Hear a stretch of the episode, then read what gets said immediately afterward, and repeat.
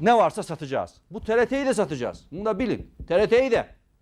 Herkese merhaba. Parçalıyoruz'un yeni bölümünde konuğumuz Besim Tibuk. Çok popüler, gençler çok seviyor. Liberalizm anlatısı, devlet karşıtlığı, YouTube'da, Instagram'da, Twitter'da sürekli kısa videoları dönüyor. Peki Besim Tibuk'un yanlışları neler? Bugün Ömer'le onun liberalizmini ve onun ideolojisini parçalayacağız. Ömer senle bayağıdır video çekmiyorduk. Evet. Beni özledin mi? Ne yalan söyleyeyim özledim bu sefer. Evet. Ben uzun süre Türkiye'deydim arkadaşlar. Ee, Türkiye'yi Ama en çok kimi özledim biliyor musun? en çok kim özledin? Seyircilerimi özledim. Ha. Sen gerçi bir tane seyirci buluşmasına geldin. Bir tane seyirci buluşmasına vardın. O gün de deprem felaketi olmuştu. Aynen. Bir kez daha zaten. buradan başımız sağ olsun diyelim. Uzun bir süredir video yayınlamadık. Belki siz de fark etmişsinizdir. Video yayınlamamızın sebebi de bu süreci video yayınlamak istememekle alakalıydı. Videomuz vardı. Çok laçka bir videoydu. Aynen. Bir soru cevap videomuz vardı ama onu yayınlamak istemedik. Muhtemelen bu video yayınlandığında soru cevap zaten yayınlanmış olacak ama yine de bunu size açıklamak istedik. Ve bugün de Besim Tibuk'u konuşuyoruz. Besim Tibuk sen de zaten sık sık böyle konuştuğumuz, eleştirdiğimiz ama bir yandan da popülaritesi yüksek olan bir insan. Aynen Besim Tibuk sonradan canlandı. Liberalizm canlanınca Türkiye'de Besim Tibuk da canlandı. Bence yine özel bir adam. Bence eğlenceli bir video. Aynen. Şimdi bu video Enver Aysever'le çektiği biraz daha yaşlı hali, son zamanlarına ait bir video. İzleyelim. Burada Türkiye'nin rejimine dair bazı söylediği şeyler var. Ülke nasıl bir ülke? Türkiye bürokratik, yarı faşist bir ülkedir.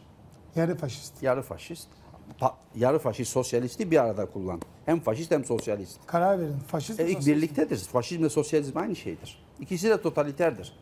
Yani devlet ne kadar büyükse Enver Bey, Türkiye'de devlet büyük mü? büyük tabii. E, Her tarafımız özelleşti. Devlet o kadar büyük ki Oyunculuğu çok daha iyi. buraya var. gelmeden sizin meslektaşlarınızla konuşuyorduk. Sizin gibi haber programları haber yata- yaparken bin defa düşünüyorlar hükümete dokunacak mı diye. Devlet çok büyük. Devlet o kadar büyük ki batıdaki büyük batıdaki bir liberal devlette bir başbakan bir muhabirin işten atılması için bir telefon konuşması yaparsa ertesi gün hükümet düşer. O batıda. Türkiye'de devlet çok büyük. Devlet kontrol ediyor. Kredileri kontrol ediyor, Yok, bankaları kontrol ediyor. Ee, Birçok şeyi kontrol ediyor. Evet Ömer, Türkiye yarı faşist ama bu faşist de sosyalist anlamda da kullanıyor. Sonra oradan da daha aktüel siyasete girerek işte daha gazeteciler bile siz istediğinizi söyleyemiyorsunuz. Dolayısıyla devlet çok büyük diyor. Ne düşünüyorsun? Türkiye'de en çok yanlış kullanılan kavramlardan biri herhalde faşizm. Faşizm, Farkında mısın? evet, faşizm. Her şeye faşizm diyorlar. Bir faşizm halbuki çok spesifik bir zamandaki spesifik bir rejimi anlatmak için kullanılıyor. Doğru. Ona girmeyeceğim. Faşizmliğe girmeyeceğim. Ama o da sanki önemli bir tartışma geliyor. Çünkü ben mesela bizim takipçi kitlemizde de bu ideolojilere yönelik yoğun bir ilgi var. Ve at nalı teorisini seviyorlar. At nalı teorisi şey aşırı sağ aşırı sol aynı diyor mesela. Bu böyle daha merkezi bir pozisyon, daha liberal bir argüman. Diyor ki aşırı sağ da otoriter, aşırı sol da otoriter. Aslında Besim Timon'un argümanı biraz ona dayanıyor. Faşizmde, işte sosyalizmde otoriter insanı dönüştürmeye çalışan, onlara özgürlük tanımayan bir ideoloji olarak tanımlıyor. Ya ikisi de totaliter. O doğru. Mesela faşizm aslında bir yandan devlet ideolojisinin, daha doğrusu devlet gücünün insanların hayatlarını şekillendirmek, onların özel hayatlarına dahi nüfuz eden bir ideoloji. Faşizm. Hatta dediğim gibi özel bir ideoloji. Almanya ve İtalya'da var. Aşırı milliyetçilikle birleşiyor. Kooperativizm de var. Ya tamamen serbest piyasa değil. Hatta sosyalizm de düşmanıdır yani. Sadece Amerikan emperyalizmi değil, sosyalizm de düşmanıdır. Faşizm anti-kapitalizmdir, anti-sosyalizmdir, Aynen. anti-liberalizmdir. Orada faşizmin bir Aynen. antileri var ya. Faşizm anti ideolojidir aslında. Aynen. Dolayısıyla hani ikisi aynı değil. Yani Besim Tibuk'un orada bir sıkıntısı var. Şeye gel sen. Esas argümana gel. Nedir o? Devlet çok büyük. Şimdi bak.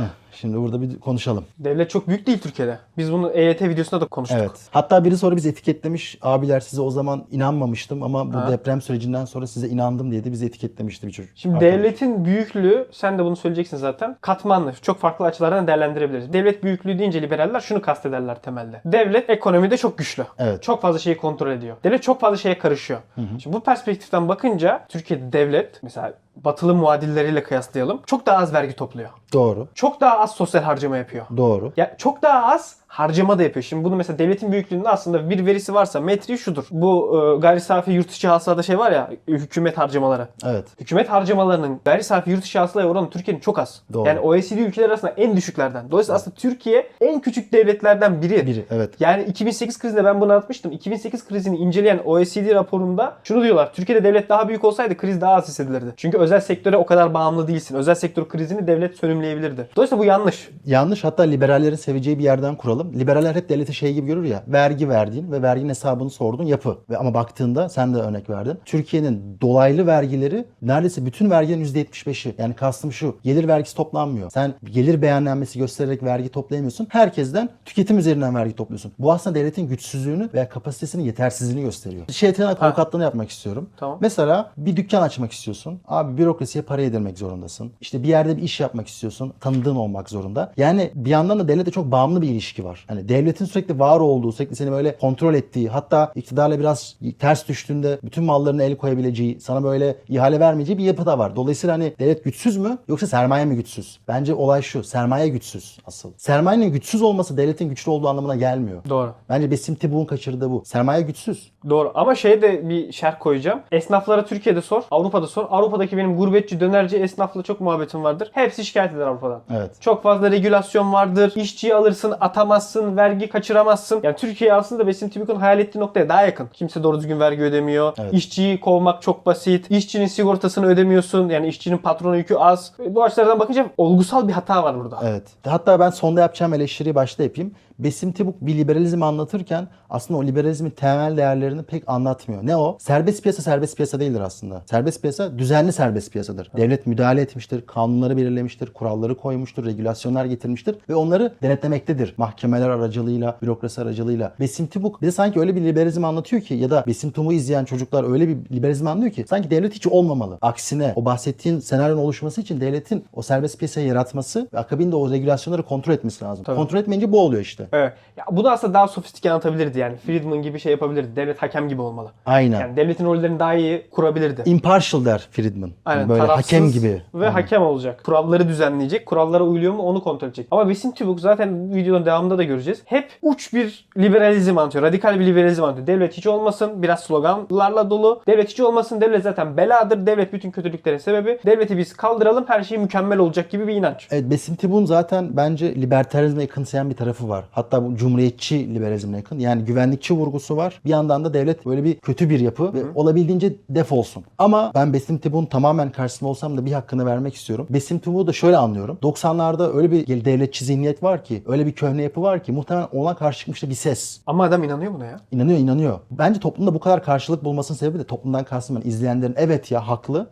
Ya bir yandan da gerçekten Türkiye'de köhne bir bürokrasi var. Çalışmayan bir devlet mekanizması var. Oğlum nasıl karşılık buldu? Adam e, rezil oldu ya Yüzde bir, seçimlerde. ya seçim anlamında rezil oluyor ama bak ben yorumları okudum. Hep şu oluyor. Ne doğru söylüyor bir adam? Bak kimse oy vermiyor. Tamam kimse oy vermiyor. Adamın sorun teşhisleri doğru ama getirdiği çözüm önerileri yanlış. Ama bence sen şunu ekleyecektin. Otokrasi meselesine gelecektin. Devletin katmanları var derken devlet kapasite anlamında evet güçsüz. Ama bence Türkiye'de güçlü olan kısım cezalandırma mekanizması. Ya o güçlü iktidarlar açısından. O güç mü yoksa önünde bir engel olmadığı için yapabiliyor musun? O da var. Katılıyorum. Yani Ama şu an Hollanda veya Fransa dese ki ben güç uygulayacağım. Uygulayamaz mı? uygular. Covid'de Uygular. yaptı. Covid'de yaptı. Ya hepsini yapar. Bunun dediklerini de yapar. Yani Avrupa'daki popülist liderler yeterince güçlü olsalar, yeterince halk desteğine sahip olsalar bu dediklerinin hepsi yine olur.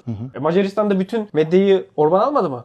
Bunun önündeki engel nedir? Hani diyor ya Avrupa'da böyle bir şey yapılsa istifa ettirirler. Avrupa'da bunu sağlayan şey ne? Devletin küçük olması değil. Değil. Güçlü olması ama aynı zamanda onun sürekli böyle denetlenmesi. Denetleyen kim? medya, sivil toplum, sermaye, üniversiteler say say say bitmiyor. Cevap bu. Kamusal alanın derinliği, genişliği, sivil toplumun gücü, o halktaki temel değerler ne? Bunlar önemli. İnsanların devletin Türkiye'de güçlü olduğunu düşünme sebebi bence devletle karşılaşmaların genelde bu şiddet mekanizmalarıyla olması. Yani protestolarda gözaltına alınan öğrenciler, işte susturulan gazeteciler, içeri atılan sermayedarlar vesaire. Bunun gibi insanlar şiddet mekanizmasıyla karşılaştığı için siyaset bilim açısından söylüyorum o şiddet mekanizmasını. İnsanlar devletin güçlü olduğunu düşünüyor. Sen- Çünkü devletin görünen yüzü bu. Diğer yüzünü, senin o bahsettiğin kısmı çok görmüyoruz. Diyelim ama Besim Timur'un diğer ekonomi argümanlarına girelim. İlki de gelir eşitsizliği. Bu Müthiş zaten çok argüman. tartışılan bir konu. Bakalım ne diyecek Besim Timur. Bugünkü konu gelir dağılımı. Gelir dağılımının kötülüğü. Ama bu gelir dağılımı lafının gerisinde aslında bir fakirlik var. Mesela Türkiye dünyanın en gelir dağılımı kötü 20 ülkesi diyoruz değil mi? E, diğer 19 ülke de Avrupa Birliği'nde falan değildir. Bangladeş'te şurada buradaki zavallı ülkelerdir. Diyelim ki buraya 3 tane dünyanın süper zengini geldi. Bill Gates, Ellison, Bu doğru bu arada. Buffett vesaire İstanbul'a geldi. olarak. Ne olacak? Gelir dağılımı daha da bozulacak. Çok Yani güzel. bu kendi içinde bir anlam ifade etmez. Mühim olan halkın, insanların insanca bir yaşam sürebilmeleridir. doğru dürüst bir işi olacak ve bu işleri işiyle de ilerleyecek ve bir de fırsat eşitliği olacak. Çocuğu için en iyi okula gitme, kaderini yırtıp geçme, yalnız çocuğu için değil, kendisi için de bir fırsat eşitliği olacak. Yani meselenin özü ülkedeki ekonomik gelişme ve ekonomik durumdur. Gelir dağılımı konusundaki laflar hep belli kesimden gelir ve bu kesimler daha ziyade sendikalardır, belli çevrelerdir. Bu pazarlıkta kullanılan şeylerdir. Ama şunu unutmamak lazım. Bir ekonomi iyi çalışıyorsa, bir şey üretiyorsa gelir iyi dağıtılır. Şimdi ben bir eleştiri yapayım. Bu Besim Tebuk'ta çok gördüğüm bir şey. Böyle bir ortaya iddia atıyor. O iddia niye gerçekleştiğine dair bir fikrim yok. Bu böyle olur. Yani ekonomi zaten tıkır tıkır işliyorsa, üretiyorsa gelir dağılımı iyi olur. Hani niye bilmiyorum. Ya da mesela bunu birazdan okullarda da göreceğiz. İşte devlet okullardan çekilirse iştiraklar eğitime girer. Hastaneler devletten çıkarsa yeni sağlık kuruluşları kurulur. Böyle sanki bir oyun oynuyormuşuz hissiyatı alıyorum. Neden olduğuna dair bir cevabım yok. Kafasında olan bir şablon var. O şablon tıkır tıkır tıkır tıkır gerçekleşiyor ki o da zaten tıkır tıkır tıkır tıkır diyor. Niye oluyor onu bilmiyorum. Mesela tarihsellik bakalım. Hani diyor ya mesela kendi içinde de ifade etmiyor diyor ya. Ya tarihsel olarak baktığında uyguladığın ekonomik politikalar bunu gerçekten de etkiliyor. Yani sadece üretimle alakalı bir şey değil. Ne kadar üretimi insanlara paylaştırıyorsun. Refaha ne kadar paylaştırıyorsun. Finansla büyüyorsan gelir eşitsizliği artıyor. Üretimle büyüyorsan azalıyor. Doğru ama orada kastettiği şeyi ben Rawls'un teorisi gibi anladım. Yani gelir eşitsizliği özü itibariyle çok anlamlı bir şey değildir. Anlamlı olan en fakirin durumu nedir anlatmaya çalışmış. Rawls anlatmış. Biz bunun bir videosunu yapmıştık. Rawls videomuz var bakabilirsiniz. Ana fikir şu. Bir ülke olsun çok gelir eşitsiz dağılsın ama fakirin durumu gelirin çok daha eşit dağıldığı ülkeden daha iyiyse o ülke daha e, yaşanabilir bir yerdir diyor. Bu fena bir argüman değil ama şey problemi senin dediğin gibi. Ya kardeşim gelir dağılımının nasıl değişkeni tek değişkeni şey olsun. Ekonomi zenginleşiyorsa gelir de iyi dağılır. Nasıl dağılır? Öyle dağılmaz. Hiçbir alakası yok. Bunun anlattığına göre her ekonomik büyüme eşit bir şekilde gelir eşitsizliğini azaltması lazım. Öyle bir şey olmuyor. Olmuyor. Yani yine olgusal bir hata var. Evet. İşte Rusya'yı düşün. Çok gelir eşitsiz dağılmış değil mi? Evet evet bayağı. Şimdi Rusya'da 2002 ile baktım ben gene. 2002 ile 2007 arasında Rusya ekonomisi uçuyor. Bu dönemde gelir eşitsizliği de uçuyor. Rusya ekonomisi uçmasa da sonra yine büyümeye devam ediyor ama bu sefer gelir eşitsizliğinin azaldığını görüyoruz. Yani aslında gelir eşitsizliği senin dediğin gibi başka politikalar tarafından belirlenir. Evet. O başka politikalarda nedir? Ya işte işçiye ne kadar ücret veriyorsun, işte vergiyi ne kadar topluyorsun, Vergi. ne kadar dağıtıyorsun, eğitime ne kadar para harcıyorsun. Bak benim burada kızdığım noktalardan biri şu oldu. Diyor ya fırsat eşitliği. Ya abi zaten fırsat eşitliğini sağlayan şey kamusal dağıtım. Devlet. Yani, aynen fırsat eşitliği böyle gökten inmiyor. Onu sen yaratıyorsun. Hatta şunu da iddia edeyim. Bir adım daha öteye gideyim. Yani okul kurarsın. Üniversitede daha fazla para ayırırsın. Daha fazla bütçe burslar için oluşturursun. Yurt kurarsın. Budur aslında fırsat eşitliği. Hatta Amartya Sen vardır. O bir adım daha öteye taşır. Der ki okul kurman da önemli değil. Öğretmen ataman da önemli değil. İnsanları oraya götürüyor musun? Yani bir capabilities vardır. Yani yetkinlik. Bir de fırsatlar vardır. İnsanlara o fırsatları ulaştırabiliyor musun? Tabii. Mesela çok uzun yıllar şu konuşuldu. Doğuda mesela insanlar okula gitmiyor. Sonra haydi kızlar okula gönder kampanyası falan. Ya devletin sadece okul kurması, öğretmen ataması yeterli değil. Aynı zamanda müdahale ederek o fırsatları çalıştırması gerekiyor. Aktif bir şekilde Aktif bir rol şekilde, almalı. evet. Yani. Dolayısıyla devlet olmalı. Hatta bu anlamda büyük de olmalı. Çünkü Evet. liberaller hep negatif bir devlet yaklaşımı var. Yani devlet dokunmasın. Negatif dediğim o. Devlet Evet. bıraksın, serbest bıraksın. Halbuki bu dediğin sorunları çözebilmek için devletin aktif rol alması gerekiyor. Bir, iki, örnek olarak vermiş ya. Ya eşitsizliğin olmadığı ülkelere bakın. Hepsi gelişmiş ülkeler. Batıdaki ülkeler. Bangladeş, Bangladeş öyle değil diyor. Kardeşim batıdaki ülkelerin eşitsizliğin olmaması sebebi ne? Fransa'da eşitsizlik çok az. Niye? Çünkü devlet sürekli geri dağıtım yapıyor. E, herhalde vergileri topluyor. Fransa en çok sosyal harcamanın yapıldığı ülke. Evet. Fransa en düzgün, en çok vergisini toplayan ülkelerden biri. Sonuç Fransa'da zengin, diğer ülkelere göre daha yavaş bir şekilde daha çok zenginleşiyor. Evet. Şimdi bunun verileri var. Dünyada temel sorun şu. Zengin, Amerika ve İngiltere'de özellikle inanılmaz zenginleşiyor ve top %1'in kontrol ettiği gelir %20'leri, 25'lere kadar çıkabiliyor bu ülkelerde. Evet. Ama Avrupa'da öyle değil. Tabii. Ve bunun tarihsel gelişimine bakacağız senin dediğin şey. 80'den sonra Amerika'da top %1'in kontrol ettiğin gelirin sıçraması inanılmaz. Aynı sıçrama Fransa'da çok az. Politikalarla alakalı. Öyle yok ülkenin ekonomisi gelişirse o da gelişir değil. Bu arada Türkiye'de böyle bir duruma geldi. Özellikle 2000'lerden sonra. Yani çok böyle ciddi bir gelir eşitsizliği oldu. Bahsettiğin %1, %5, %10 ciddi bir ekonomik gücü kontrol ediyor. Fakat biraz şeytan avukatı olmak istiyorum. Bangladeş gibi bir ülkesin, Vietnam gibi bir ülkesin, hatta Türkiye gibi bir ülkesin. Refah kazanman için belki daha böyle liberal politikalar uygulaman gerekmiyor mu? Acaba Besim Tebuk bunu mu anlatmaya çalışıyor da düşünmedim değil. Ha, onu anlatıyorsa eyvallah. Sen onda okey misin mesela? Ben buna okeyim. Eğer liberal teori şunu yapıyorsa, pasta daha çok büyüyorsa, eşitsiz de dağılsa, o günün sonunda ülke için daha iyi olabilir. Yani Bangladeş zaten rezil durumda. Orada eşit dağılsa ne olur? Ama Bangladeş son 20 yılda 7 kat büyüdü. Vietnam 10 kat büyüdü ekonomisi. Dolayısıyla liberal, neoliberal politikalar bunu sağlıyorsa bu da büyük bir faydadır. Ama o neoliberalizm tartışması. Besim Tübük bence onu da yapmıyor. Besim Tübük'te çok büyük bir kolaycılık farklılık var senin dediğin gibi. Şu var bence. Bu arada tam neoliberalizm mi yoksa yatırımların gelmesi mi? Bana yatırımların gelmesi gibi geliyor o. E, neoliberal model dedikleri o değil miydi zaten 80'lerden sonra? Sınırları açalım, sermaye rahat aksın. Sermaye rahat akacak ki başka ülkelere gidecek, başka ülkelerde sıcak para olacak, yatırıma dönecek. Yani Sanki bu bana küreselleşme gibi geliyor. Çünkü neoliberalizm bir yandan da para politikalarının da böyle serbestleşmesi. Küreselleşme hem para politikalarının ama aynı zamanda yatırımların serbestleşmesi. ikisi aynı anda değil mi ama? Aynı anda gerçekleşti. Ama Mesela Türkiye'de şu oldu 90'larda. Yani 70'te mi Nike açıldı Bangladeş'e? Yok. Tarihsel olarak iz düşümleri aynı. Fakat Türkiye'de şu oldu 90'larda. Neoliberalizm geldi. Para politikaları da serbestleşti. Bunu zaten sen de 94 krizinde anlattın, 2001 krizinde anlattın. Ben 90'larda anlattım. Ne oldu? Çok sermaye finansa kaydı ve hiç üretim olmadı. Bahsettiğimiz o üretici ekonomiyle gitmedik biz. Tamamen tüketici ve aynı zamanda eşitsizliğin olduğu bir ekonomiye gittik. Tabii. Dolayısıyla Bangladeş'te veya Vietnam'da büyümek için bahsettiğin bence küreselleşmeci ve yatırımcı politikalar uygulanabilir. Yoksa faize falan para harcadığında işte şey gibi bankacılığa istediğin sonucu da elde etmiyorsun. Tabii neoliberalizmin iki yüzü var. Bir finansal kapitalizm var. Bir de sermayenin başka yerlerde yatırım yaparak orada üretimi güçlendirmesi var. Finansal kapitalizm kısmı biraz sıkıntılı bir kısım. Şimdi de sosyal politikalara gelelim istersen. Gelelim, Besin aynen. Tebuğ'un zaten diğer konusu sağlık ve eğitim. Onları izleyelim. Buradaki çözüm milli eğitimden devletin tamamen elini çekmesidir. Tamamen. Ben bunu söylediğim zaman bazı kişiler diyorlar ki ama herhalde ilk öğretimi demek istemiyorsun. Yani ilk öğretim olursa sanki memleket batar. İlk öğretim de dahil. Devlet elini çektiği zaman milli eğitimden ne olacak zannediyorsun? Milli eğitimi Türk halkı yapacak. Yani gene aynı insanlar yapacaklar. Gene o bahsettiğim 550 bin kişi var ya öğretmen, müdür, müfettiş bunlar yapacak. Yani bunu devlet elini çektiği zaman bu insanlar bunu devralacaklar. Gene aynı binalar kullanılacak. Ama yepyeni bir dinamizm gelecek. Yüzler gülecek. Daha insanlar sabahleyin işlerine koşturarak gidecekler. Herkes okulun daha muvaffak olsun diye bakacak. Müthiş bir rekabetçi düzen başlayacak. Ve böylece Film Türkiye'de dinamit gibi çok başarılı eğitim kuruluşları olacak. O üniversitelere giriş imtihanları falan kalkacak. Her üniversite nasıl talebe alacağını kendisi tespit edecek. Sen de lise olarak o üniversiteye göre talebe yetiştireceksen kendini ona ayarlayacaksın. Ama başkasına da ayarlayabilirsin. Hangi üniversite, hangi lise, kimi nasıl alır o kendi bileceği iştir. Akıllıysa iyi talebeleri alır, iyi eğitir, başarılı olur. Akılsızsa da batar gider. Şöhreti lekelenir. Hiç kimse okuluna gitmez. Okulunu kapatmak zorunda kalır. Buradaki esas şudur.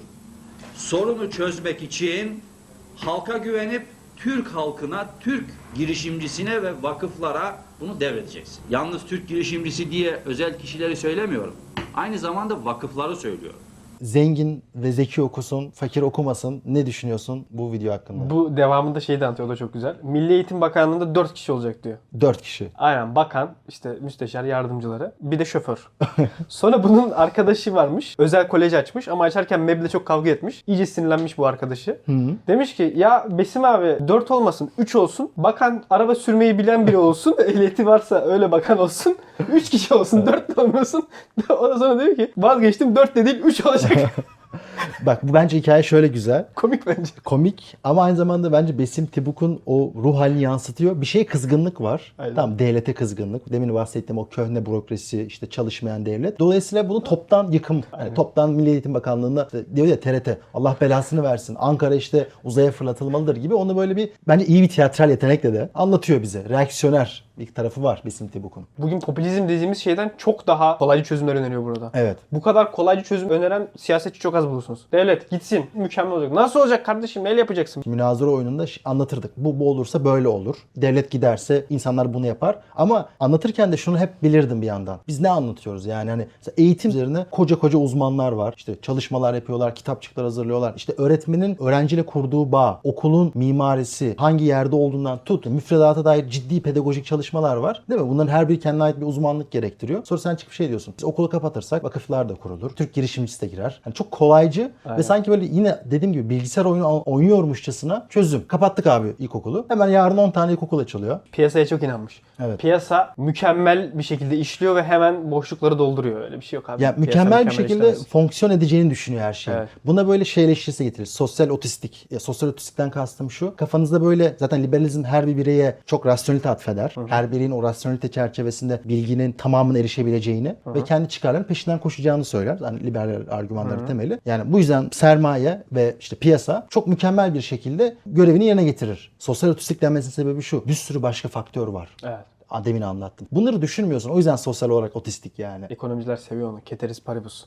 Diğer her şeyi sabit tuttuğumuz zaman. Evet. Ama diğer her şey sabit değil ki. Doğru. Yani gerçek hayatta öyle bir problem var. Bir de bak bu adam dediği oldu biraz. Bu 94'te konuşuyor muhtemelen. Türkiye son yıllarda eğitimde ciddi bir özelleşmeye gitti. Devletin rolü eğitimde sürekli azaldı. Evet. Her yerde özel okul var. Hatta sen mesela farkında mısın? Şu an benim çevremdeki herkesin ortaokula giden çocukları vesaire hepsi özel okula gidiyor. Doğru. Ya da Ama böyle okuluna itibaren ya devlet okuluna dair ciddi bir araştırma oluyor. Şu hoca iyiymiş, şöyleymiş, böyleymiş. Devlet okulu bitti. Bak bizim zamanımızda öyle değildi. Şimdi bitti. Herkes özele gidiyor. Ne oluyor peki bunlar süper mi eğitim alıyor? Hayır süper eğitim almıyorlar. Özel okula yollayan velilerin hepsi şikayetçi. En meşhur özel okullarda dahi öğretmenlerin şartları kötü. Öğrencilere yaratılan imkanlar kötü. Ne oluyor peki onun dediği gibi özel okullar mı batıyor? Hayır. Topyekun bir kötülük var ama insanlar da başka bir yere gidemiyor. Çünkü bu mecbur alman gereken bir hizmet. Buna ekonomide anlatırlar ya bu fiyat elastikliği sorunu var burada. Elastisitesi de olabilir. Şunu kastediyoruz. Normalde piyasada mesela bir kola. Kolanın fiyatı arttığı zaman talep düşer. Çünkü kola önemli bir şey değil o kadar. Almak zorunda değilsin. Ama eğitim, sağlık gibi durumlarda fiyatı istediği kadar arttırsın. Sen ona mecbursun. Yani fiyata bağlı değil onun talebi o kadar. Dolayısıyla Türkiye'de ne oldu şu an? Özel okullar Fiyatlar- fahiş fiyatlara çıktı. Veliler mecbur yollamaya devam ediyorlar ve iyi bir eğitim de almıyor bu çocuklar. Evet. Yani topyekün sistem çürüdü. Üstüne fırsat eşitliği de kalmadı. Evet. Bu arada eğitimin piyasalaşmasına dair şöyle bir soru da ortaya atabiliriz. Eğitimdeki tek konu fiyat değil ya. Mesela öğretmenin kalitesi, öğrencilerin ruh durumu, yediğin yemekler, anlatılan müfredat aslında o kadar belki piyasalaşmaya uygun bir alanda değil. Dolayısıyla onun tahmin ettiği gibi, onun ya da öngördüğü gibi piyasalaşmaya gittiği zaman eğitim kendiliğinden iyileşmiyor. Aynen. Yani eğitimin başta kötü olmasının sebebi devletin çok müdahale ediyor olması olabilir şu anlamda. Mesela müfredatı çok belirliyordur. Yok bütün üniversitelere karışıyordur. Çünkü videonun ilerisinde şey diyecek. Üniversiteler öğrencileri kendi seçsin. Belki tartışılabilir. Yani üniversitelere daha fazla özellik verilmesi vesaire. O da elitizme gider ama bak Fransa'daki gibi yapsalar. Bunlar tartışılabilir ama benim demek istediğim şey çok fazla girdi var. Bak üniversite farklı bir mevzu. Katılıyorum. Yani üniversite YÖK, üniversite özelliği. Onu bir ayır. Aha. Ama ilkokul, ortaokul ve lise eğitimi için düşün. Dünyada en iyi eğitim veren ülkelere bak. Bunlar serbest piyasaya bırakan ülkeler değil. Aksine çok daha iyi planlayan ülkeler. Evet. Ve fırsat eşitliğini sağlayabilen ülkeler. Yani Cumhuriyet bunu iyi de yapmıştır. Ben hep bunu söylüyordum sana da. Yani Cumhuriyet bugün Ersan Şen falan da yapıyor ya. Ben şu memurun çocuğu, işte köylü bilmem ne çiftçinin torunu. Sen de öylesin. Biri olarak Türkiye'de parasız okudun, devlet kurumlarında okudun ve dünyanın en iyi kurumlarına gidebildin. Yurt dışına gittin, geri geldin. En iyi şekilde kendini yetiştirebildin. Bu çok önemli bir kazanım. Buna dokunma. Cumhuriyet sosyal mobilitedir. Aynen. Bir yandan da. Yani Tabii. dediğin gibi işte bir köylü çocuğuna üniversite eğitimi alabilmesine imkan vermek, o fırsatı sağlamak. Yani iyi bir ilkokula gitmesi de bunun faktörüdür bu arada. Sadece çünkü iyi test çözerek olmuyorsun. İyi bir pedagojik öğretmene ihtiyacın var. Çalışmaya inanman lazım. Çalışınca başaracağına inanman lazım. Çünkü şu da olabilir. Sınavda yaparım, atanamayabilirim. Referansım yoktur, kazanamayabilirim. Buna inanacaksın ve dediğin gibi bu imkanlara sahip olacaksın. Dolayısıyla fırsat eşitliği işte böyle sağlanır. Yani Aynen. öyle şey piyasaya bırakılarak değil. Diyelim ve sağlığa gidelim. Sağlığa gidelim. aynen. Burada da yine klasik argümanlar gelecek. Biz e, devletin sağlık politikasının iflas ettiğini, başta sosyal sigortalar ve devlet hastanelerinin hepsinin ortadan kaldırılıp tamamen özel sektörde değişik firmalara verilmesi gerektiğini savunuyoruz. Tabii bunu söylediğimiz zaman hemen diyecekler ki ya fakirlere ne olacak? Asıl fakirlere o zaman kaliteli hizmet gelecek. Çünkü birçok vakıf onları destekleyecek. Devlet fakirleri destekleyecek ama rekabet içinde olacak. Mesela kırmızı, mavi, yeşil gibi e, siyah gibi firmalar olacak. Siz priminizi birine yatıracaksınız. Memnun değilseniz ötekine yatıracaksınız. Hastalar da e, iyi hastaneyi seçme durumunda kal- kalacaklar ve rekabet içinde olacaklar. Ha, bu arada devletin denetimi olacak. Sizin gibi medya kuruluşlarının yoğun denetimi olacak ve böylece sağlık konusunda önemli bir reform geçireceğiz. Ancak şunu da ilave etmem lazım. Bu bütün fakir ülkelerin başındadır. Ebru Hanım. Şimdi bir ülke fakirse bu her yere yansıyor. Sağlığa da yansıyor. Ne zaman ki ülkeyi aklı başında idare eder de zenginleştiririz, bu gördüğünüz manzaralar azalır, yok olur. Çünkü hastaneler çok daha iyi hizmet verirler. Fakir sayısı azalır ve yük çok hafifler. Bu bir kere önemli bir sorun. Şimdi şunu da açık söyleyerek başlayayım. Zengin ülkeler arasında insanlara genel bir sağlık sigortası sunmayan tek ülke Amerika Birleşik Devletleri ve Amerika'da sağlığa harcanan para diğer Avrupa ülkelerinden çok daha fazla. Sadece nüfus açısından da değil. Oran olarak da. Niye abi? Çünkü burada acayip bir israf var ve aynı zamanda sağlık harcamaları aslında böyle economics of scale gibi düşün. Yani hastane kurmak büyük bir şey. Doktor yetiştirmek büyük bir şey. Ve dolayısıyla devlet buna müdahale ettiğinde masrafları daha çok kısabiliyorsun. Amerika'da şuna dair ısrar, hayır devlet bu konuda harcama yapmasın, insanların gün sonunda daha fazla harcama yapmasına sebep oluyor. Aynen. Bizim bir arkadaş İbrahim, İbrahim. ufak bir muayeneye gitti Amerika'da. 400 dolar oldu. 400 mü? Oğlum bizim Mustafa kafa tomografi falan bir şeyler çektirdi. 5000 6000 dolar şey çıktı. Fatura çıktı. Ne yapacağını bilmiyor çocuk. Ya başına bir şey geldiği zaman Allah diyorsun. Evet. Eyvah 5000 dolarım gitti. Böyle bir sistem olur mu ya? Amerika'nın kötü şeyini alma kardeşim. Amerika'da zaten iki tane temel sıkıntı var. Bir eğitim bir de sağlık. En tartışmalı konular. Evet. Büyük problem yaratan. Bernie Sanders da diyor ya sizce bizim toplumumuz mu daha iyi yoksa Norveç mi daha iyi? Yani Evet. Baktığın zaman örnek alacaksak bunlar da Norveç örnek alalım. Evet. Çünkü sağlık da yine aynı şekilde. Fiyat elastikliğinin olmadığı bir şey. Yani başı ağrıyor, kafa gitmiş. Tomografi çektirmeyecek mi? E çektirecek. Ne oluyor? 5000 dolar gitti. Böyle bir şey olabilir mi ya? Bir de fakir olduğunu düşün. Bizim arkadaş yine biraz durumu var. Fakirler için nasıl bir şey olacak diyor. Bir de fakirler için daha iyi olacak. Fakirler için daha iyi olabilir mi hocam? Şimdi bizde bir sosyal devlet karşıtlığı var. Özellikle liberal arkadaşlarda. Ne ya ben fakirin parasını ben mi ödeyeceğim diye falan. Ama aslında bu bir dayanışmadır günün sonunda. Dayanışmanın sebebi şu. Sosyal devlet niye var abi? Çünkü biz şunu düşünüyoruz. Hayat çok belirsiz bir şey. Başına her şey gelebilir. Aynen. Bugün işin var. Yarın sakat kalabilirsin. Karın hastalanabilir. Çocuğunda bir hastalık çıkabilir. Hayat bu belirsizliklerle dolu. Veya hayatın olağan belirsizlikleri var. Yaşlanıyorsun. Çalışamıyorsun. Ya da çocuğun evleniyor vesaire. Bunlar aslında insanın en kırılgan olduğu anlar. İşte bu en kırılgan olduğu anlarda biz aslında başka bir mekanizma ihtiyaç duyuyoruz. Aynen o da devlet. Toplum işte toplum böyle Aynen. olursun. Evet. Amerika'da niye sürekli bir silahlar patlıyor, bir şeyler oluyor, şiddet gırla, insanlar ölüyor? Neden? E, toplum değil. Toplum yok. E, Brezilya'da öyle. Brezilya'da biz tartıştık ya seninle. Ya Brezilya'da niye bu kadar suç oranı yüksek? Eşitsizlik çok. Toplum yok. Kimse kendisini bir yere dayandığını hissetmiyor. Fakirleri ben bir şey yapacağım, besleyeceğim dersen, birine bir şey olduğu zaman bana ne ölsün dersen o zaman toplum olamıyorsun. Bu arada sosyal güvenin en yüksek olduğu ülkeler İsveç, Norveç, Danimarka bulunur. Bunun sebebi şu değil bu arada. Skandinavlar çok iyi insanlar falan değil. Eşitliğin olması ve insanın güvenebileceği kurumlara sahip olması. Bu arada bu vardı. 16. 17. yüzyılda aileydi bu. Büyük aile. Yani sen bir iş kuracaksın. Kimden para alıyorsun? Büyük aileden para alıyorsun. Biri hastalanıyor, kızın sana bakıyor. Aynen. O da Şimdi bu toplumda bu çözülüyor. Türkiye'de de bu çözülüyor. Aileler küçülüyor, çocuk sayısı azalıyor. Çocuk sayısının azalması demek aslında yaşlı bakımın azalması demek. Aynen Şimdi öyle. bunu birisi hizmeti vermesi lazım. Devletin araya girmesi lazım Aynen. yoksa yaşlandığı zaman geçmiş olsun olacak. Aynen. Yani dolayısıyla çok büyük bir kırılganlığın içine düşmüş oluyorsun. Ve dediğin şey oluyor. Toplum olma hissiyatı böyle çözülüyor. Çözülüyor bir de abi bak sağlık da özelleşti bak dediği de oldu yine oldu gördük. Sağlık özelleşti iyi mi oldu? Çok mu iyi oldu yani iyi mi oldu dedim şu. Bu liberal anlatı veya işte Besim Hoca'nın anlatısı şey ya. Biz piyasaya bıraktığımız zaman mükemmel hastaneler olacak. Kötü hastane de batacak. Kötü hastane batıyor mu ya? Batmıyor.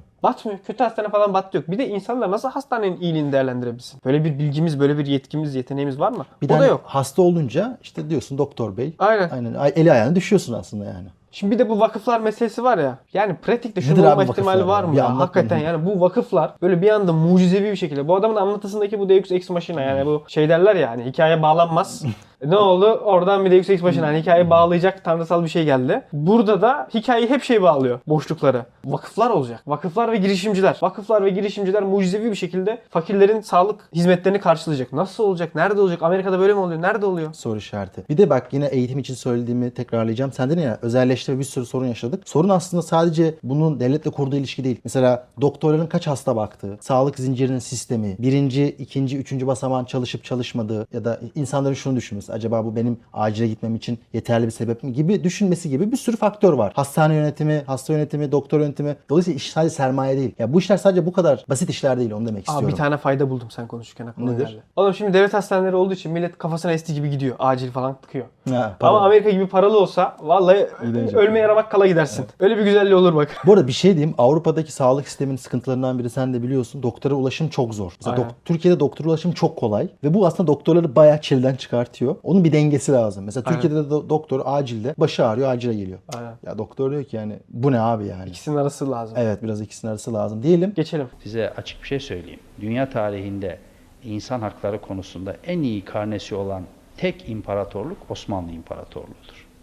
Bütün ezilenler e, din dini yüzünden, politik görüşü yüzünden ezilen herkes Osmanlı'da e, hayat bulmuştur. Osmanlı onları korumuş, kollamıştır.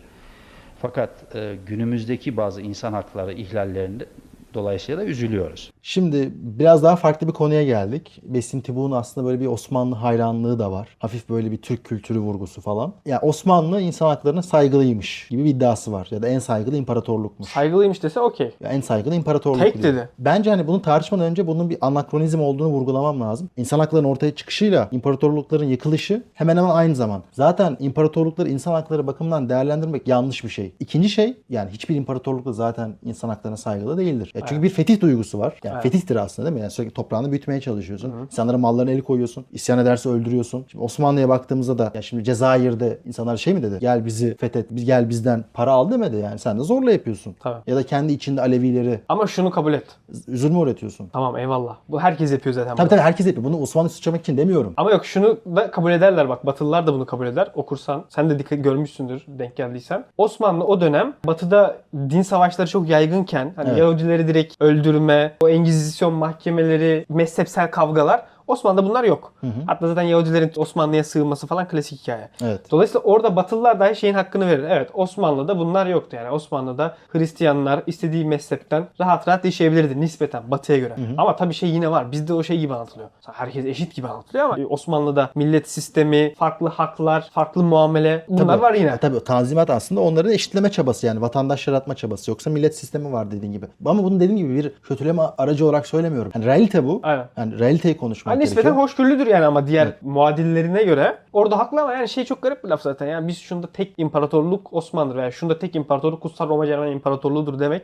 Söylem zaten garip. Ya bir yandan da mesela güvenlikçi vurgusu var bence. Yani Besim Tibu ben bu konuşmanın devamında da işte 94'te zaten bu terörün en yoğun olduğu dönem. Yani mesela direkt şey deyip geçmesi de beni düşündürmüştü. Bu İnsan Hakları Derneği terör derneğiymiş gibi şeyler. Yani daha liberal birinin normalde şey demesini beklersin. Daha ihtiyatlı yaklaşmasını beklersin. Çünkü devlet versus birey baktığında devlet var ve birey var. Bireyden yana tutar. Yani otoritenin karşısında olur liberal. Her liberal de böyle değil bu arada. Daha libertaryenler, daha güvenlikçi bakan libertaryenler ki seninle konuşmuştuk. Mesela Amerika'da demokratlar da cumhuriyetçiler de liberal. Aynen. Ama cumhuriyetçiler daha güvenlik açısından bakar. Demokratlar daha böyle birey açısından ya da Aynen. azınlık hakları açısından bakar. Dolayısıyla Besim Tibu'yu da böyle bütün liberalleri temsil eden bir grup olarak Değil. almamak lazım. Cumhuriyetçileri çok iyi temsil ediyor bence. Katılıyorum. Değil mi? Amerikan Cumhuriyetçilerine benziyor. Evet daha güvenlik vurgusu var. Devleti ekonomik alandan çekmek isteyen fakat güvenlik konusunda daha böyle güvenlikçi anlayışları daha fazla hisseden bir aslında Yani- libertaryen liberal gibi bir şey. İdam edelim. Ha evet idam vurgusu var mesela bu videonun sonunda. Suçluları idam edelim. Evet. Ama Amerikan sağından farklı olarak yani Amerikan Cumhuriyetçilerinden farklı olarak militarizm yok. Aynen. Bizim o Türkiye'nin Hatta askeri vesayete inanılmaz karşı direkt hakarete Evet. varan ifadeler. Ama sanırım Türkiye'nin özel koşulu çünkü militarizmin veya ya da askeri vesayetin olması bizde daha askeriyle bir mesafelendirme koydu.